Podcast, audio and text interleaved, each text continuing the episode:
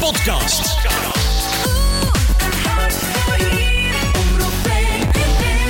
Dan eh, moesten we een kamp eh, bewaken. Er komt er wel eens een aanval. Worden er eigenlijk ook weer s'nachts uh, eruit gehaald. Dus dan hoor je best wel vaak knallen om je heen. Eh, ik heb die week ook maar negen uur slaap gehad. Dus dat eh, vond ik best weinig eigenlijk. Bij de mariniers zou dat volgens mij een standaard oefening zijn.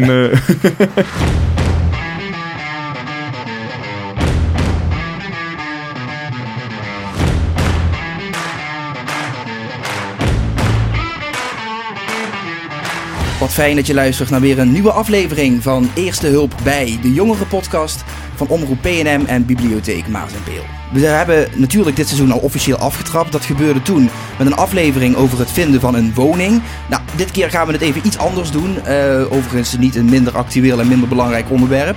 Want ja, de spotjes op radio en tv, de advertenties online, de posters in bushokjes. Er zijn eh, doorlopend nieuwe krachten nodig bij Defensie. Dat is natuurlijk niet voor niets en in deze tijd ook nog eens ontzettend actueel. Maar wat vraagt het eigenlijk van iemand om bij Defensie te werken? Hoe kom je daar eigenlijk en wat maak je dan zoal mee? Nou, wie daar alles over kan vertellen is Daan van Renselaar. Hij werkt namelijk zelf bij Defensie. Welkom Daan, leuk dat je er bent. Geen probleem. En eh, nou, je bent ook niet de enige gast vandaag, want ook eh, Wouter Bruins is aangeschoven in de podcaststudio. Hij heeft meegedaan aan het tv-programma Kamp van Koningsbrugge en weet als geen ander hoe belangrijk het mentale welzijn is. Ook bij Defensie natuurlijk. Fijn dat jij er ook bent, eh, Wouter. Ja, dankjewel. Eh, Daan, om even met jou te beginnen. Ehm, ja, wie ben je en wat doe je? Eh, ja, ik ben Daan. Eh, ben technicus bij de luchtmacht als eh, plaatwerker. Eh, dat is het frame en het metaal slash aluminium gedeelte van een vliegtuig repareer ik dan. Dus als daar een scheur in zit of zo, dan moet ik daar eh, moet die scheur eh, weghalen met een patch. Ja, wij werken allemaal in het Engels, dus dan... Ja, precies, allemaal eh, Engelse patch. termen. Ja, Eh, maar je werkt dus aan, eh, aan, aan, aan vliegtuigen onder andere. ja helikopters, eh, straaljagers en eh, ook gewoon normale vliegtuigen kan ik aan werken. Ja, en dat, ja, dat is natuurlijk ook een onderdeel van Defensie, hè? want Defensie heeft heel veel verschillende stromingen en afdelingen. Dat is daar dus eh één van. Vind het leuk werk? Ja, heerlijk. Ja, Geweldig. Kijk, top. Daar gaan we natuurlijk zo meteen nog wat meer over inzoomen. Eh, maar wanneer was voor jou het moment waarop je wist, ik wil bij Defensie werken? Ehm, ja, ik zat er altijd al een tijdje over na te denken. Ook omdat mijn ouders er natuurlijk bij zitten. Dus dan krijg je er al wat eh, sneller eh, bij, ja, wat van mee van die wereld. En ehm, ja, het, het kriebelde altijd wel een beetje. Maar de, ik dacht eerst even uitproberen gewoon in de civiele wereld. Kijken hoe het daar is. Maar toen was het winter. En dan, eh, ik, ik werkte dan van half acht tot half vijf. Dus kwam je in het donker kwam je eraan. En in het donker ging je weer weg. En dan dacht ik, ja, ik heb vandaag alleen gewerkt. En dan kan ik verder niks meer echt beleven of zo. Dus ik miste het avontuur heel erg. Ja, en eh, dan heb je het er met je ouders over, onder andere. Ja. Eh, je zegt van, nou, dat is misschien wel iets voor mij. Wat vonden je ouders er dan van toen dat je dat vertelde? Ehm, ja, die, die, die, die weten zelf ook wel dat, dat, wat, voor, ja, wat voor wereld het is. Dus die, Mhm. die dachten, ja, moet je doen. Dus waarom niet? Je, je komt er alleen maar achter door het uit te proberen, zeg maar. Ja, waren Dus- ze niet een beetje angstig omdat het natuurlijk ook risico's met zich meebrengt? Eh, nee, eigenlijk totaal niet. Nee, Hmm. nee die, die waren juist eh, zo van, moet je doen. En Ja. ehm, je, je, wordt er alleen maar beter van. Ja, je hebt natuurlijk de risico's, maar ja, we weten zelf ook wel de risico's. Dus Ja. dan kunnen ze wel goed eh, kijken of dat ook bij mij wel past of zo. Ja, nou ja, en, en je vindt het leuk werk, hè? dat is natuurlijk Mhm. ook niet heel erg onbelangrijk. Ja. Ehm, Wouter, eh, hoe ben jij met de Defensie in aanraking gekomen? Nou, dat is eigenlijk eh, op mijn zestiende. Toen sloeg ik de Veronica-gids open. Die had je toen nog op Mhm. papier. En ehm, nou, er stond een hele mooie advertentie in van het Corps Mariniers. En ik was er eigenlijk op slag verliefd. Eh, de, de uitdaging, grenzen verleggen, dat sprak me heel erg aan. veel naar het buitenland. Dus eh, ja, goed, toen, eh, toen heb ik eh, ja, de keuze gemaakt om richting Defensie te gaan. En welke Dus, stroming afdeling dan? Nou, ik ben begonnen bij het Corps Mariniers. ehm, en uiteindelijk, na twee jaar ben ik daar weggegaan. Toen heb ik helaas een, een zware knieblessure Hm. opgelopen. Ehm, toen ben ik even in de buitensportwereld beland als, als outdoor-instructeur. En ehm, in 2005 ben ik weer opnieuw het pak gaan aantrekken bij, eh, bij de Koninklijke Militaire School. Dus de onderofficiersopleiding van de Koninklijke Landmacht. En toen ben ik sportinstructeur geworden. Dus uh, ja. Kijk, dus, dus uh, een functie in een functie misschien wel eigenlijk. Ja. Um, want in de eerste instantie waar je op, op, op solliciteerde dan, dat was echt een andere richting dus. Ja, dat is echt een andere richting inderdaad. Dat is echt het infanteriewerk. En uh, ja, de, als sportinstructeur heb je natuurlijk meer een instructiefunctie. dus dan ga je echt mensen opleiden. Ja, wat vind je het leukst? Dus, ik vond het allebei fantastisch om te doen, ja. Er zitten wel grote verschillen in, ook kan ik me voorstellen beide. Ja, zeker. bij het een komt natuurlijk iets meer verantwoordelijkheid te kijken. Ehm, ja, je bent leidinggevende, dus je moet wat meer aansturen. Maar uh, dat sprak me eigenlijk ook wel aan. Mm, ja. ja. een leidinggevend type dus. Exact, ja. ja uh, Daan, wat vind jij nou echt het allerleukste aan je werk? Uh, de collega's, het sfeertje, het werksfeertje. Ehm, ja, de, de, werkzaamheden zelf, dat is ook heel vet. Want niet veel mensen kunnen zeggen dat ze aan een helikopter mm. werken.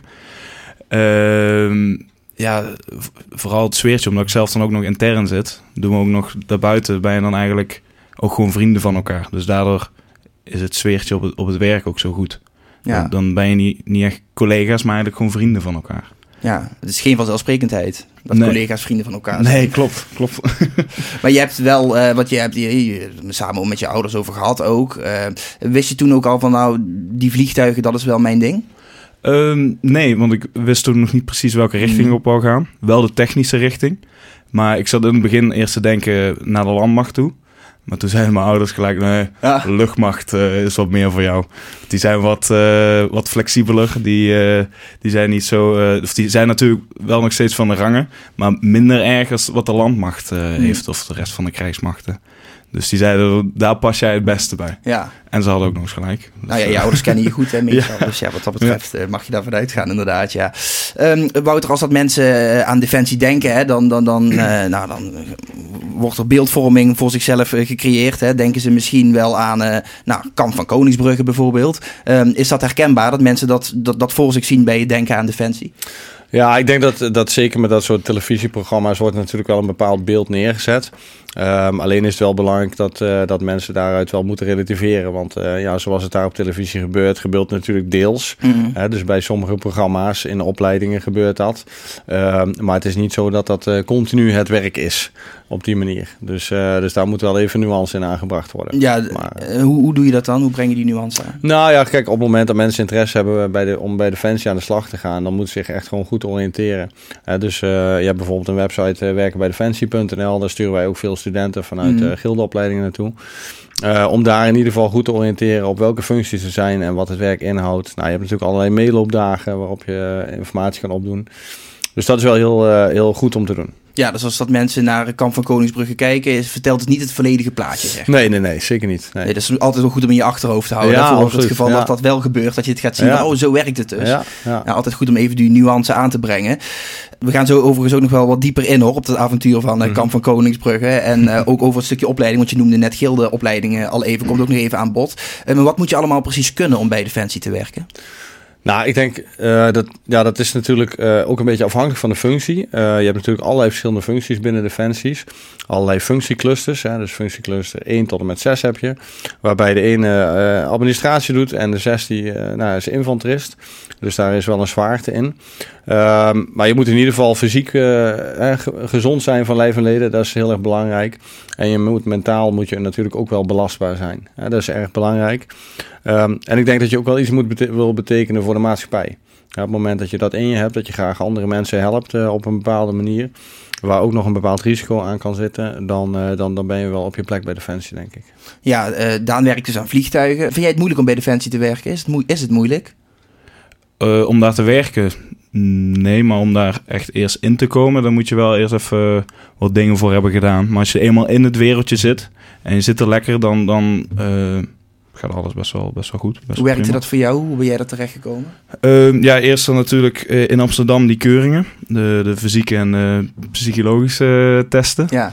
Uh, ja, daar ben je natuurlijk alle twee super zenuwachtig voor. Want uh, bij, vooral bij de, bij de psychologische, dan denk je zo, ja, wat voor vragen gaan ze allemaal stellen? Wat komt eruit? Ja. Ben ik, misschien ben ik wel een gek of zo, uh, dat soort dingetjes. Allemaal in het verleden vroeten. Ja, dat, dat soort dingen. Ja, dan zitten ze lekker zo over zo'n gevoelig knolletje ja, te ja. wrijven.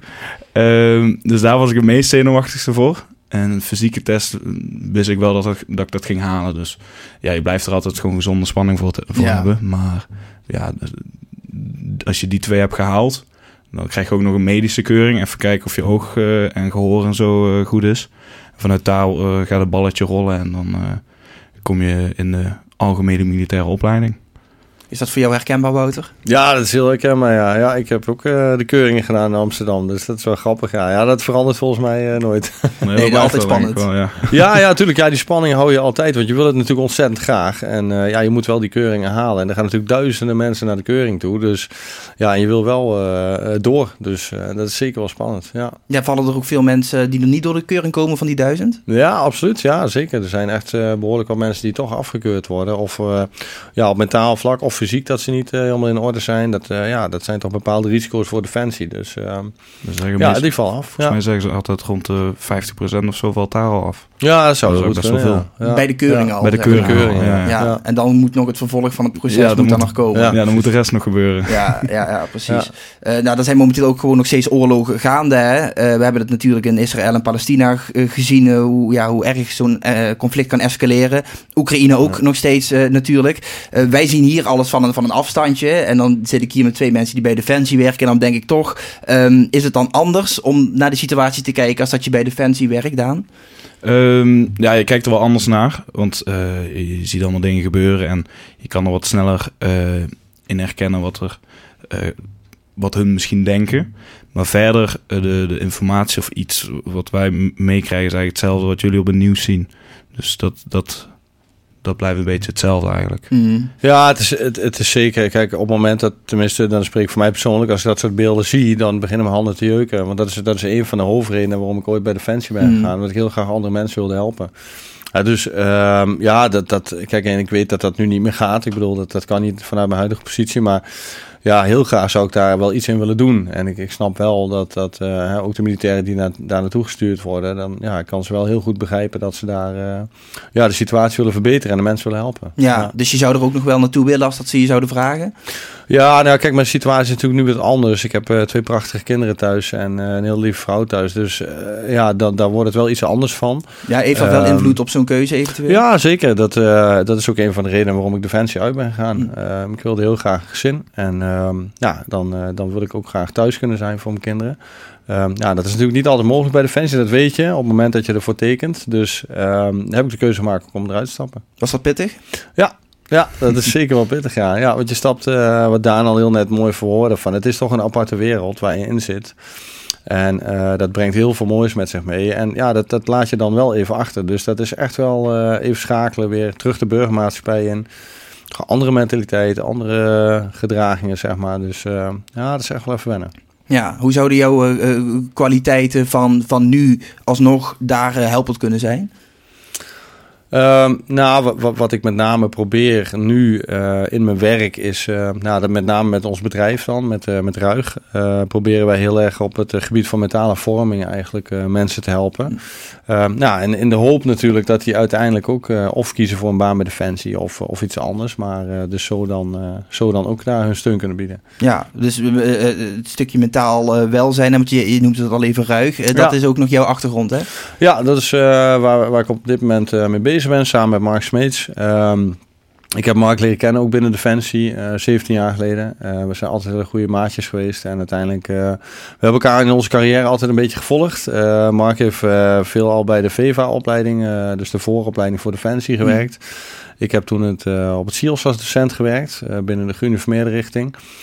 Ehm, nou, en onze paden zijn in elkaar blijven kruisen. We hebben veel projecten samen gedraaid. En ja, twee jaar geleden hebben we eigenlijk besloten eh, om daar eh, ons bedrijf in te starten. Dus eh, daar zijn we nu volop mee bezig. Ja, dat kun je ook heel mooi eh, combineren, al die passies van je, zo lijkt me. Ja, exact. Ja, ja. Het leuke is dat je enerzijds nog met de VEVA-jongens en meiden bezig bent. Dus je maakt ze nog enthousiast voor het vak. En, ehm, en dat is tof. Je kan eh, ja, refereren uit je eigen ervaringen natuurlijk. En ehm, zo proberen we dan de jongens ook weer enthousiast te maken voor een job bij Defensie. Nou, de combinatie met ons eigen bedrijf is ook eh, ontzettend leuk. Ja. Eh, ik wil die vraag ook nog even aan jou stellen, eh, Daan. Want eh, zou jij naar zo'n oorlogssituatie willen, als dat je het zou kunnen? Eh, ja. ja, daarvoor heb ik het beroep eigenlijk gekozen Mhm. om eh, die avontuur op te zoeken. En uh, dat klinkt misschien gek bij de mensen die dan niet bij Defensie zitten of zo. Maar uh, mij lijkt dat juist heel, heel vet. Om, wat uh, Wouter al zei, ehm, ja, dan kan je de mensen daar helpen in die situatie. En dat is, uh, als je dan op uitzending bent, is niet dat ik dan alleen aan vliegtuigen werk, maar mm. dan doe je ook soms wat vrijwilligerswerk erbij. Als het even wat rustiger is. Niet dat dat snel gebeurt, maar... Wat zou dat dan kunnen zijn voor vrijwilligerswerk? Uh, wat, wat mijn moeder dan een keertje heeft gedaan, is dan uh, toen ze op uitzending was in Kosovo. Uh, dan gingen ze daar naar een, uh, naar een school toe en dan gingen ze daar helpen met de school een beetje opbouwen en allemaal okay. dat soort dingetjes. Ja. Dus dat doen ze dan er ook nog even, even bij. BNN Podcast. Wouter, je hebt meegedaan aan Kamp van Koningsbrugge. Het is al vaker uh, genoemd. Uh, welk seizoen? Uh, vorig jaar zijn we begonnen met het ondersteunen van het programma. En ja, dit jaar ja, hebben we ja, in ieder geval de bal in Engeland gelegd. Waar wij al vaker komen. Dus dat is wel heel tof. Ja. Kijk, want je, je zegt ondersteuning. Je doet dus ja. niet mee als kandidaat. Nee, nee, nee. Zeker nee. niet. Nee, nee, die tijd hebben we gehad. dat, dat geloof ik wel. Maar nee, die, nee, we hebben eigenlijk vorig jaar hebben we in Zuid-Limburg is het seizoen opgenomen en hebben wij heel veel ondersteund met materialen. We hebben wat roleplay hebben gedaan uh, en we hebben wat locaties aangedragen om te filmen. Ik heb zelf in Zuid-Limburg gewoond, dus vandaar dat dat uh, zo bij ons terecht is gekomen ook. Um, ja, en dat beviel eigenlijk aan beide kanten ontzettend goed. Um, nou, en dit jaar, ja, wij hebben het balletje opgegooid om naar Engeland te gaan. En uh, dus we zijn uh, totaal vorig jaar vijf weken in Engeland geweest. Uh, waarvan drie weken ter voorbereiding. Dus de verkenning mm. uitgevoerd. Alle missies geschreven samen met, met de andere instructeurs. Ehm, ja, en uiteindelijk hebben we twee weken opnames gehad in september. In, in Engeland. Dus ja, Kijk, het zijn uh, drukke weken geweest, zo te horen. Dat zijn hele drukke weken geweest. Ja, dat was uh, keihard werken. Maar uh, ja, het resultaat mag zijn. vorige week hebben we de eerste uitzending gehad. en ja, de cijfers die waren fantastisch, de kijkcijfers. Dus ja, vanavond weer nummer twee. Ja, dus, ben je zelf ja. ook te zien in de serie? Ja, ja zeker. maar het verschilt een beetje welke aflevering. Sommige niet. Mm. ja, ze moeten natuurlijk vanuit 24 uur moeten ze 50 minuten televisie knippen. Dus dat ja. is maar de vraag of je daar... maar sowieso het laatste afleveringen sowieso. En waarschijnlijk aflevering 3 ook. Dus ja, we komen wel in beeld. Ja. Kijk, nou ja, maar hoe, hoe, kom jij dan in beeld? Als, als instructeur? Die uh, het, uh... Kan als instructeur inderdaad. Uh, maar ook sowieso als, ehm, ja, als roleplay. Oh, Oké, okay. dus je rond bent of zo, dat soort dingetjes. Nou, ik ben meer een beetje de bad guy. Oh. oh, ik, ik ga de kandidaat heel vervelend maken. Ja, ja, ja. Dat is ook leuk. ja. dat, dat ze echt die agressie een beetje naar boven halen. Ja, precies. Ja, ja. Dus ze, moeten, ze hebben een aantal um, ja, dingen die ze moeten doen. Um, kan er natuurlijk niet te veel over verklappen. Nee. Maar ze moeten een aantal opdrachten uh, voltooien. Waarbij ze moeten laten zien dat ze kunnen omgaan met agressie en geweld. En uh, ja, dat uh, Vet. mag ik op ze uitoefenen. Ja. ja, je mag er nog even bij betrokken blijven. Ja, zeker. Ja, ja, ja. We hebben in ieder geval contact gehad met uh, productie ook voor, uh, voor volgend seizoen weer. Dus ja, we hopen dat we daar weer lekker aan mee kunnen werken. Kijk, leuk man. Heb jij het programma wel eens gezien, Daan? Ja, ik heb de eerste twee seizoenen gezien ah, eigenlijk. En daarna, uh, ja, ik vond het wel heel vet. Want het eerste seizoen kwam precies uit wanneer ik zelf in de algemene militaire opleiding zat. Dus oh, ja, kon ik heel goed ja. vergelijken. Oh, jullie hebben dit gedaan. Ja, dat, dat heb ik ook gedaan. Dus dan kon ik heel goed uh, me erin... In verplaatsen. Ja, was dat dan nog verrassend? Dat je bepaalde dingen van... hé, hey, maar dit heb ik niet gezien bij, uh, op tv. Uh, ja, ook. En uh, sommige dingen dat, ik, dat hun er zo op reageerden... wat ik ook heb gehad, dat ik er dan... of totaal anders op reageerde of een beetje hetzelfde. Dus dat is dan wel, wel lachen om te zien hoe, hoe, hoe verschillend mensen kunnen zijn eigenlijk. Ja, wat ook belangrijk is, is natuurlijk gewoon dat algemene mentale welzijn, hè Wouter. Niet alleen in het dagelijks leven, maar dus zeker ook wel bij Defensie. hoe komt dat tot uiting? Nou, kijk, uh, uh, kijk je, als, als militair kom je natuurlijk in, in behoorlijke conflict situaties uh, terecht, hè, stresssituaties. En dan is het natuurlijk wel enorm belangrijk dat je daarmee leert omgaan. Dus stress kunnen we allemaal hebben, alleen heb je daar een keuze in en hoe je daarmee omgaat. En dat is binnen de opleidingswereld van Defensie wordt daar heel veel aandacht aan geschonken. Dus er zijn diverse trainingen zeg maar, per jaar waar men aandacht schenkt aan een stukje mentale training. Wat ook echt nodig is. Hè? Want uh, je moet op het moment dat je in een, in een conflict situatie komt, moet je wel kunnen handelen. En, dan, uh, en het is niet erg op het moment dat mensen dat niet kunnen. Maar dan moet dat in de opleidingswereld duidelijk worden. En niet pas op het moment dat je in een uitzendgebied zit. Hè, dus daarom is dat eh, ja, een heel, heel belangrijke eh, rode draad in de opleidingwereld. Ja. Ja, als je, want als je in zo'n situatie zit en je moet eh, in een split second beslissen wat wel of niet eh, handig Ja, is, dat, ja. de- de- het lijkt mij heel erg ingewikkeld, maar het kan dus wel. Ja, ja, dat, maar ja, het, het is ook heel ingewikkeld. En ehm, ja, dat kan zeker. Dat kun je dus trainen. Hè? En dat, ehm, ja, of, of je komt tot de constatering dat het niet werkt bij je. Mhm. Nou, dat kan ook een eh, constatering zijn. Maar dan, dan moet je ook een keuze maken qua beroepenveld. Ja, Hè, dus ehm, ja, maar dan zijn de eisen dus ook echt wel heel erg hard, want je weet meteen van oké, eh, daar- ik ben waarschijnlijk mentaal niet zo sterk, dan, dan kan ik er gewoon beter Ja. nu al uitstappen, want Ja, je precies. weet van ik ga het wel nodig hebben, die mentale kracht. Ja, dat. Kijk, en het is natuurlijk niet alleen voor je, voor je eigen veiligheid, maar ook voor de, voor de veiligheid van je buddies. Hè, van degenen die naast je lopen. Ja, die willen ook eh, met iemand op pad die wel betrouwbaar is op dat vlak. Ja, kun je dus, een, een eh, voorbeeld noemen hoe zwaar het zou kunnen zijn? Wat voor situaties zou kunnen komen waarin je dat echt wel nodig hebt? Nou ja, goed, kijk, op het moment dat er... eh, ik heb zelf gelukkig nooit eh, vuurcontact gehad. eh, maar natuurlijk wel met veel mensen gesproken die daar wel in hebben gezeten. Ja, op het moment dat de kogels om je oren vliegen, dan, ja, dan, dan is het heel belangrijk om de juiste keuze te maken. En ehm, ja, dan, dan, dan moet je daar wel bekwaam in zijn. Ja, en dat, dat is behoorlijk heftig. Kun je daar je op voorbereiden op zo'n situatie? Ja, nou, ik denk dat dat heel lastig is. Kijk, ik heb natuurlijk veel militairen getraind daarin. Hè. Ehm, op exact die situatie, dat is heel ingewikkeld. Maar je kan het wel zo dicht mogelijk bij die benadering laten komen. Ja, En eh, daar heb je natuurlijk allerlei trainingsmethodes voor, hè, allerlei oefeningen heb je daarvoor. Ehm, maar uiteindelijk, hoe iemand echt daadwerkelijk op dat moment reageert, dat zul je nooit weten. nee. Ja, vooral uit de opleiding word je er inderdaad echt heel dicht bij eh, gebracht. Maar het is inderdaad zo, eh, je weet nooit hoe je reageert op, op echt de echte situatie. Als je echt denkt, oh fuck, dan kan ik misschien wel eh, doodgaan of zo. Dat, dat- want je denkt toch, oh, dit is toch niet echt of zo. Dus dat heb je altijd nog wel stiekem achter in je hoofd zitten. Ja, en dan kom je toch eens in, in, misschien in zo'n situatie, of, of, of jij in andere situaties waarin je gewoon last had van, van wat eh, mentale issues. Hoe ga je daar dan mee om? Ehm, ja, door over te praten met je, met je buddies. Zo van, eh, ik heb eh, nou hier, hier en hier last van of zo. Goede collega's dus. Ja, ja, collega's, vrienden. ja, nee, ja, dat heel vrienden, belangrijk. eh, Dat zijn je vrienden, ja, dus dan moet je het eh, ook zo noemen. En eh, dat, dat is bij ons ook eh, heel erg eh, met eh, eh, ook bij het technicus eh, gewoon zelf. Je, als je niet lekker in je vel zit, dan moet je het even aangeven. Want het kan ook aan je werkzaamheden eh, te zien zijn. Want dat, als, als wij ons werk niet goed doen, dat, en, en een piloot die, die vliegt eh, in een helikopter en dat gaat dan mis. En dan ga je zelf ook denken, kan dat dan aan mij liggen of zo? Dus dan moet je gewoon van tevoren eh, ook tegen je leidinggevende zeggen zo, hey, ik zit vandaag niet zo lekker in mijn vel. Ik ga vandaag even wat minder denkend werk doen of zo. Klinkt heel stom, maar eh, eh, dat vinden ze allemaal goed. En als je een fout hebt gemaakt, dat, bij ons is het eh, heel erg. Als je de fout hebt gemaakt, eh, dan moet je dat gewoon zeggen. Mm. En niemand gaat je erop eh, afstraffen of zo. Iedereen zegt, oké, ja, kan gebeuren. Dus Ja. het is gewoon nog steeds eh, mensenwerk. Dus ja, we zijn allemaal menselijk. Dus dat is dan wel gelukkig heel fijn, zodat er... iedereen staat er open voor. Niemand is je aan het... aan het hoe noem je dat nou?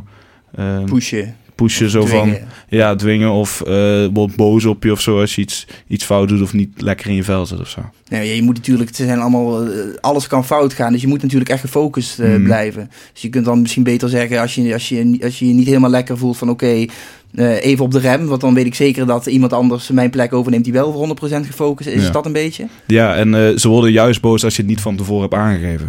Dus dat is het dan ook nog Ja. meer. Communicatie dus ook wel heel Ja, erg, eh, communicatie. belangrijk. Eh, eh, hoe, hoe- heb je zelf kandidaten meegemaakt tijdens het programma bijvoorbeeld die echt wel tegen een uh, springborrelijke muur oplopen? Ja, natuurlijk. Ehm, kijk, hè, zeker in, in de opleidingswereld ehm, breng je natuurlijk cursisten ehm, breng je in bepaalde situaties. Ehm, nou, misschien een voorbeeld. Hè, wat, je, wat je voorheen had was een, een MZV-baan, dus een militaire zelfverdedigingsbaan. En dan moeten ehm, de cursisten moeten daar de keuze maken tussen escalerend optreden of de-escalerend optreden. Hè, dus dat houdt eigenlijk in van, nou, ga ik wel geweld gebruiken of ga ik juist geen geweld gebruiken? Nou, en, eh, wat je dan vaak ziet, is dat militairen die dan eh, in een conflict situatie of in een stresssituatie gebracht worden. Iemand staat bijvoorbeeld met een mes tegenover ze. Nou, hoe ga ik dan handelen? Nou, hè, op het moment dat eh, iemand met een mes tegenover staat, nou, dan moet je natuurlijk wel handelen. Op een bepaalde manier. Hè, je wil in ieder geval je eigen veiligheid garanderen. Maar het kan natuurlijk ook zijn dat er na die situatie dat er iemand komt die bijvoorbeeld geen wapen heeft. Nou, en dan moet dus een cursist moet wel kunnen schakelen. Hè, dus je moet hem wel vanuit die hoge geweldspiraal in één keer terugzakken. Oké, nou de situatie inschatten. Oké, hier moet ik geen geweld gebruiken. Ja, en dan heb je cursisten die dan eh, daar ontzettend veel moeite mee hebben. Ja, Ja, kan ik me wel. Zou ik ook wel hebben, denk ik. ja, ja, ja, Dat dat is de situatie ja zeker. dus. Ja, ja. Maar je, kunt, je krijgt ze dan, je, de begeleiding van, nou ja, in dit geval Ja. van jou dan, is wel Ja. dusdanig dat, ze, dat je ze er wel wat bovenop Zeker, ja, zeker. Ja, je coacht ze daarin. Hè. Kijk, en uiteindelijk, eh, dat- ze mogen dan fouten maken. Hè. Ik bedoel, dan zijn we in een opleiding en dan, dan kun je ze daar juist heel erg mooi in begeleiden. En ehm, door daar zelf op te reflecteren op het gedrag, en dat hoop je dan ook dat ze dat zelf kunnen terughalen, ja, kom je dan tot inzichten en dan, eh, en dan kun je verbeteren. Ehm, kun je je ook, eh, misschien niet zo'n hele goede voorspeling, maar eh, kun je je wapenen tegen trauma's? Nou, nee, ik, ik denk dat je daar niet tegen kunt wapenen. Eh, ik denk dat je er wel mee kunt leren omgaan. Dus kijk, uiteindelijk ehm, denk ik dat op het moment dat er een bepaalde situatie zich voordoet, ehm, nou, dat, dat kan natuurlijk van alles zijn in het defensiewerkveld. Ja, dan kan dat een trauma opleveren. Ik denk dat dat heel menselijk is. Een trauma is heel menselijk. Alleen de wijze hoe je daarmee omgaat, dat, dat is een keuze die je eh, hebt. Ja, er zijn natuurlijk alle instanties om daar hulp eh, bij te zoeken. Ehm, nou, in ieder geval, eh, wat, wat Daan net ook terecht zegt, van ja, hè, de, een praat erover met Mm. mensen, dat is denk ik al een hele, hele wijze les. Dat is stap 1 meestal. Ja, hè, want op het moment dat je dat niet doet, ja, dan, dan gaat het vaak mis. Ja. Dus, ehm, dus ja, dat, Ja. Ja. ben je zelf wel eens getraumatiseerd geweest? ehm, nee, gelukkig Of niet. nog steeds, want als je een trauma hebt, ben je dat Nee. meestal, heb je er Ja. wel even last van, zeg maar. Nee. Gelukkig maar dat je dat zelf niet eh, Nee. gehad hebt. Wel met mensen gewerkt die er last van hebben. Ja, ja, zeker. Ja, ja, ja dat is. ehm, kijk, je komt eh, natuurlijk in allerlei aanraking met. En zeker ook bij de sport. Eh sport is- heeft ook een Mm. groot sociaal vlak, ook binnen Defensie. Het is niet alleen maar om te trainen en te vormen. Ehm, dus ja, daar, daar praat je ook met mensen die wel bepaalde trauma's hebben opgelopen. En dat is. Ja, dat is gewoon een hele heftige koek. Doet dat nog Ehm, wat met jezelf als coach? ja, natuurlijk. Ja, zeker. Dat raakt me wel. En, ehm, maar goed, hè, op, op, op dat moment eh, vind ik het wel heel fijn dat ik eh, iets voor die mensen kan betekenen. Dus eh, Ja, Ja. Nou ja, en, en zij hebben dan weer meteen weer een aanspreekpunt. Hè, wat Ja, dan ook ja, belangrijk is Ja. dat je die ook hebt. Ben jij Ja. bang voor het oplopen van trauma's, Daan? Nee, eigenlijk niet. Dat, dat- ja, ik weet niet, daar, daar denk je niet echt over na eigenlijk. En dat, eh, als, het, als het gebeurt, dan gebeurt het natuurlijk. Maar eh, nee, is niet dat ik, eh, dat ik de hele tijd denk... oh, als ik daar naartoe ga, dan ga ik wel een trauma oplopen of zo. Mm. Ik denk ook dat dat de verkeerde mindset Ja. is daarvoor. Ik kan me voor, als je dat Ja. continu denkt, dan eh, kun je Ja, vrij weinig meer. Kan je beter gewoon stoppen eigenlijk. eh ja, precies. Ja. Dan heb je niet zoveel aan. Heb jij naast je vrienden ook een, eh, een aanspreekpunt? Als dat, dat, is er bijvoorbeeld iemand die een, een soort vertrouwenspersoon binnen Defensie waar je terecht kunt? Ja, we hebben, wat ik al zei, de GEVO, geestelijke Ja. verzorging, daar kan je sowieso altijd naartoe. Je hebt altijd je, je leidinggevende waar je altijd gewoon naartoe kan gaan, waar de deur altijd gewoon open staat. Eh, dus eigenlijk hebben we best wel veel aans- of, eh, ja, aanspreekpunten waar we naartoe kunnen gaan. Maar de, de, de GEVO is eigenlijk meer als in de burgermaatschappij de psychologie, eh, ik weet niet hoe je het uitspreekt. De, Ja, eh, ja, psycholoog. ja, psycholoog. Ja. Ja, ja precies. Nee, oké, dus je, kunt, je zou het soms ook wel buiten Defensie kunnen zoeken, maar er is Ja. binnen Defensie in ieder geval genoeg handvatten die je aan zou Ja, kunnen de, de, de GEVO heeft zelfs nog eh, iets moeten tekenen. eh, dat ze, ook al vertel je iets illegaals of zo, dan mogen hun ook niet eh, iets mee doen of zo. Nee, Terwijl je leidinggevende moet daar iets mee doen. Ja, Dus dat Ja. is dan wel... eh, ja schijnhoudingsplicht. Ja. oh ja, voor, voor je eh, privacy ook wel lekker, hè? Voor Ja. je gevoel dat je weet dat dat wel goed, eh, goed geregeld zit. BNN Podcast.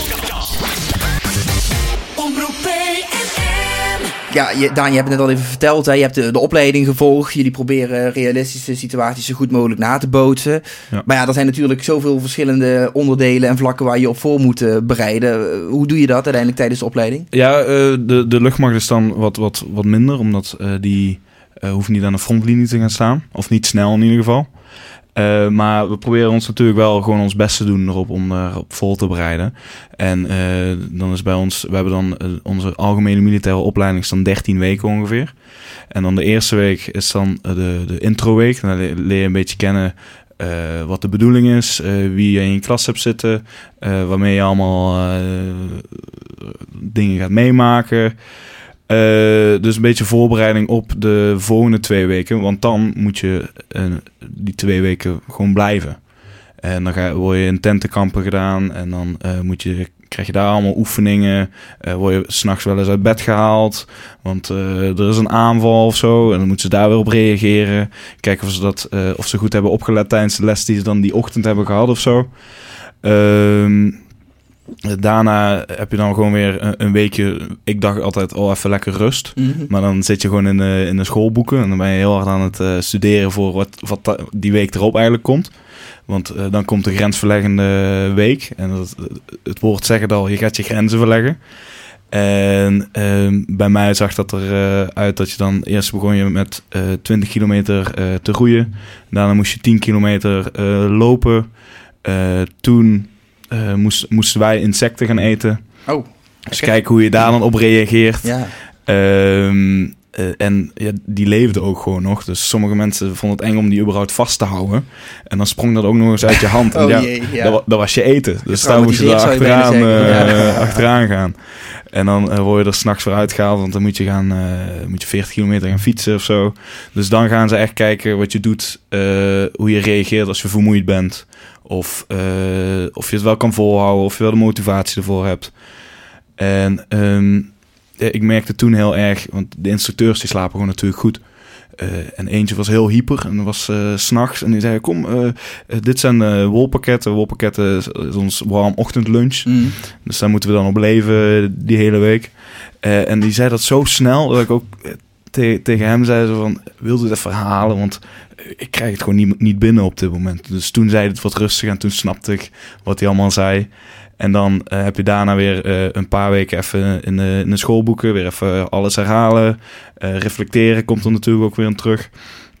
Wat heb je meegemaakt? Hoe ging dat? Hoe ging zus? Soms gebeurt het ook gewoon gelijk wanneer het moment is gebeurd. Ehm, en dan komt je eindoefening. En eh, dat, dat, eh, dan, bij ons was de eindoefening, dan eh, moesten we een kamp bewaken. Er komt er wel eens een aanval, worden er eigenlijk ook weer s'nachts eruit gehaald. Hm. Dus dan hoor je best wel vaak knallen om je heen. Ik heb die week ook maar negen uur slaap gehad. Dus dat vond ik best weinig eigenlijk. Bij de mariniers zou dat volgens mij een standaard oefening zijn. Ja. Maar ja, dan, dan moest je dat de hele tijd doen. En dan daarna die vrijdag eh, doe je dan je, je eindmars. En dan, dan word je, krijg je baret. En dan, word je, dan, dan ben je klaar. Dan ben je eigenlijk eh, een echte militair. Als je Zo. dat allemaal hebt doorstaan. En dat is allemaal in hoeveel jaar? Eh, nee, 13 weken. Oh, 13 Dit is weken. 13 weken. nou, oké dan. Maar dan- dan ben je ook echt na 13 weken klaar om het veld in te gaan. Eh, zeg maar. wel echt om het veld in te gaan, maar nog niet eh, je functierichte opleiding eh, te doen. Dus dan ben je eigenlijk al opgeleid om infanterist eh, Mhm. te zijn, maar dan op een lager pitje, zullen we maar zeggen. Want infanterist komt nog wat meer wapens bij kijken en nog meer oefeningen en zo.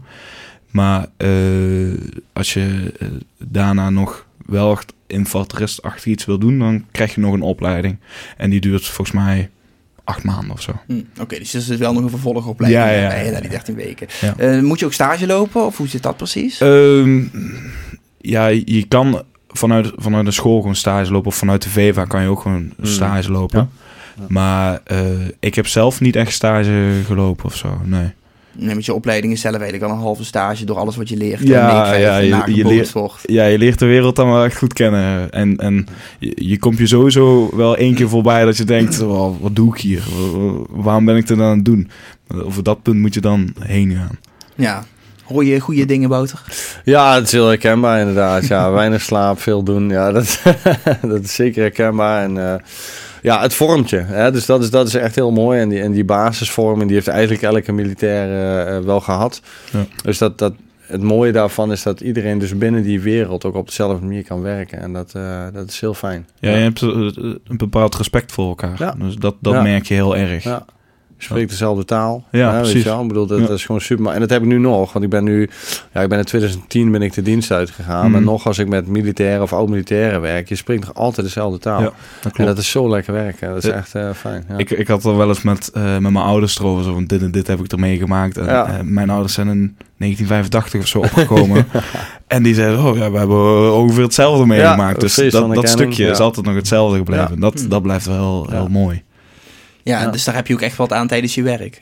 Ja, zeker. Dat is, eh, en, en, en ook nu nog. eh, ik bedoel, ja, al zo lang de dienst uit, maar nog steeds neem ik dingen daarvan mee. Hè. Dat gebruik ik nu in mijn huidige werkzaamheden. Bij mijn eigen bedrijf, eh, bij gildeopleidingen. Dat is gewoon super gaaf. Ja, Zou je Kamp van Koningsbrug ook als een soort militaire opleiding kunnen typeren? ja nou ja, kijk, het, heeft natuurlijk heel veel raakvlakken met, met, de, met de militaire opleidingswereld. Specifiek binnen het Korps Commandotroepen natuurlijk. Ehm, maar ehm, ja, zeker. Het is, het is eigenlijk een stoomcursus. Hè? Want je moet je voorstellen dat die deelnemers daar, die, eh, die worden geselecteerd uit eh, meer dan duizend eh, deelnemers. En die stappen in één keer die militaire wereld binnen. Dus dat is echt ontzettend knap om dat in één keer zo te doen vanuit een kantoorbaan of nou, whatever wat, wat. wat ze doen. Dus, maar dat is echt wel even omschakelen.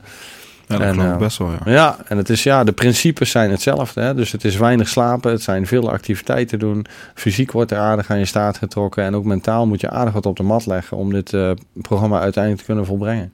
Ja, want maken jullie het programma ook... eh, kijk, natuurlijk, ik bedoel, eh, het is commerciële tv, er moet geld worden verdiend. Maar eh, maken jullie het ook om, om mensen juist te motiveren om bij Defensie te gaan? Ja, natuurlijk. Ja, kijk, hè, uiteindelijk denk ik dat, dat de lessen die meegegeven worden uit het programma, dat die voor iedereen gelden. Daar kan iedereen wat mee. Of je nou uiteindelijk bij Defensie gaat of niet. Hmm. Maar zeker op mentaal vlak, als je ziet wat daar gebeurt. Want het lijkt natuurlijk heel erg van nou, het is door de modder kruipen en alleen maar Ja. opdrukken en dat soort Het is zaken. geen survivalen, zeg maar. Nee, als je daar doorheen kijkt en doorheen weet te kijken, dan denk ik dat je daar ontzettend veel lessen uit kunt halen. Ja, dus eh, los van wat je uiteindelijk gaat doen. Ja, want waarom zijn die mensen zo hard nodig bij Defensie? Ja, uiteindelijk, eh, ja, we hoeven maar naar het nieuws te kijken. We zien in de wereld wat er om ons heen gebeurt. Eh, ja, defensie eh, zal altijd blijven en altijd noodzakelijk zijn. Hè? eh, helaas. Er zijn altijd conflicten gaande sinds mensenheugenis. Dus Mhm. uiteindelijk zijn we gewoon keihard nodig. Ja, als er nou eh, jongeren zitten te luisteren eh, die nog twijfelen of huiverig zijn om, om in te stappen, wat zeg je dan tegen hen? Nou, ehm, dat, ja, dat ligt eraan waar de twijfel natuurlijk vandaan Mhm. komt. Maar op het moment dat het je iets lijkt, dan ga het gewoon doen. Ga het gewoon lekker proberen. En is het niks, nou, dan kom je er dan wel achter. Dan kun je nog alle kanten op. En uiteindelijk is Defensie ook een hele fijne werkgever om, eh, om, om een paar jaar te gaan draaien, mee te doen. heel veel ervaring op te doen. En je kan uiteindelijk ook weer doorgroeien binnen de burgermaatschappij. En daar helpen ze ook bij binnen Defensie. Dus, Ja, eh, Het is nooit verloren tijd eigenlijk. nee, nee, zeker niet. Nee. Heb jij nog tips, eh, Daan? Ja, ik denk, ehm, als je het nooit hebt gedaan, dan weet je het nooit zeker. Mhm. Dan blijf je er altijd aan twijfelen. En door het te doen, weet je het zeker of het wel iets voor je is of niet. Ja. En, en, ja, dat is eigenlijk het enige wat ik wil meegeven. Ja. Ja. Nee, jij hebt er zelf in ieder geval eh, go- goed aan gedaan volgens mij. Want tenminste, Ja. het, het klinkt alsof dat je heel veel plezier hebt eh, Zeker, in ja. je werk. Superleuk. Jij nog aanvullende tips? Ehm, ja, oriënteren goed. Hè, kijk, je hebt binnen de, de krijgsmacht, zeg maar, hè, dus binnen alle krijgsmachtsonderdelen heb je natuurlijk zo ontzettend veel functies. Dus eigenlijk alles wat jij binnen de burgermaatschappij kan doen, dat kun je ook binnen Defensie doen. Dus het is echt belangrijk om je heel goed te oriënteren. Praat met oud-militairen, want die, die hebben de ervaring in de eerste hand. Ehm, hè, dus eh, ja, op het moment dat je goed hebt georiënteerd, dan eh, go for it. Gewoon doen. Ja, ik ga naar open dagen toe. Ja. Ik was eerst nog naar de luchtmachtdagen gegaan. Ja, ja, Dus, precies. eh, Ja, dat is ook toen- wel super mooi. Ja, toen begon zeker. het echt keihard te kriebelen. Ja, precies. Nou moet Ja. ik. Ja, zeker. Ja. ja. Zijn dat soort plekken dan ook de plekken om bijvoorbeeld met die oud-militairen te spreken? Of, of, of, of kun je Ja, die nou, even op, op, op Facebook opzoeken, op. LinkedIn of zo en dan een berichtje sturen? Ja, veelal. eh, toch hebben veel mensen in de familie vaak al wel militairen of oud-militairen, dus eh, oud-gedienden, weet je. eh, Of, of die hebben vrienden die militairen zijn. precies, ja. Ja, dat is altijd wel een linkje. Want het is natuurlijk een van de grootste organisaties eh, van Nederland. Dus eh, die zijn overal wat te vinden. Ja, nou ja, en ik geloof dat we de, inmiddels de website allemaal wel kennen. Hè? Werkenbijdefensie.nl. Ja. Daar kun je alles eh, allemaal keurig eh, terugvinden. En ik neem Ja. aan ook gewoon meteen in actie komen, toch? Ja, zeker. Ja, ja, ja. Dus stel dat je nog bijvoorbeeld op het VMBO zit, dan kun je daar op, eh, op de VEVA-vacatures kun je gelijk solliciteren. Dus op het moment dat je de VEVA-opleiding doet, dan heb je, ben je gegarandeerd van een baan. Ehm, en als je gewoon werkende bent, dan kun je gewoon direct op eh ja, vacatures solliciteren. Dat eh, is ook jouw ervaring, Daan. Ja, zeker. Dus eh, ik, ik heb ook gewoon via de website eh, gesolliciteerd. Ja, Eh, nou zit ik hier. Ja. nou kijk, je weet nooit waar het je allemaal wel kan Precies, brengen, toch? precies. Ja, ja, ja, ja. Hey, eh, leuk dat jullie er waren en eh, even hierover wilden vertellen. Ik hoop dat jullie heel veel luisteraars hebben geïnspireerd en eh, nou ja, dat, we, ja, dat, Ja. Dat, de, dat de sollicitatiecommissie je druk krijgt. Dat zou natuurlijk mooi zijn. wat, Dat wat- is wel wat- benieuwd. Vanuit het Ja. perspectief van Defensie. Ehm, eh, ja, aan de luisteraars dan natuurlijk ook gewoon heel erg bedankt voor het luisteren. Het helpt natuurlijk als je deze podcast ook deelt hè, met mensen die het ook interessant vinden. Zodat, je, eh, nou ja, zodat die mensen ook kunnen worden meegenomen in eh, dit eh, verhaal van eh, Daan en Wouter. Ehm, als je even een beoordeling achterlaat, vinden we dat ook heel erg fijn. Dat kan op Spotify of Apple Podcast. Maar dan ja, kunnen we makkelijker worden gevonden. En dan komen die jongeren dus ook op de juiste plek terecht. Als je nu nog vragen, opmerkingen, kritiek of complimenten, mag natuurlijk ook. Als je dat hebt, dan kun je die melden via Instagram. Je kunt ook meedenken aan toekomstige afleveringen bijvoorbeeld. Dat vinden wij ook leuk als je nog een thema hebt waarvan je denkt van... Daar willen we, wil ik nog graag twee gasten over eh, horen praten. Dan, eh, geef het vooral door via Instagram. Je kunt een DM sturen naar eh youngbeepmb of at omroeppnm. Ik zal het ook even in de show notes erbij zetten. Dan hoef je alleen maar door te klikken en dan kom je meteen op eh, de juiste plaats uit. Ehm, wij zijn snel weer terug met een nieuwe aflevering. Als je je even abonneert, dan eh, nou, zie je vanzelf dat wanneer er iets beschikbaar is. Dus dan eh, krijg je daar vanzelf een melding van. Bedankt voor het luisteren voor nu en heel graag tot de volgende.